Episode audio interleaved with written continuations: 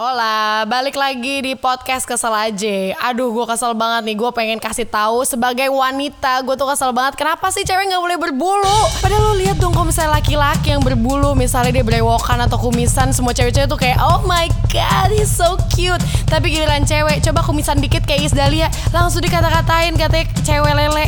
Jahat banget gak sih? Padahal cewek itu lo tahu nggak supaya nggak berbulu.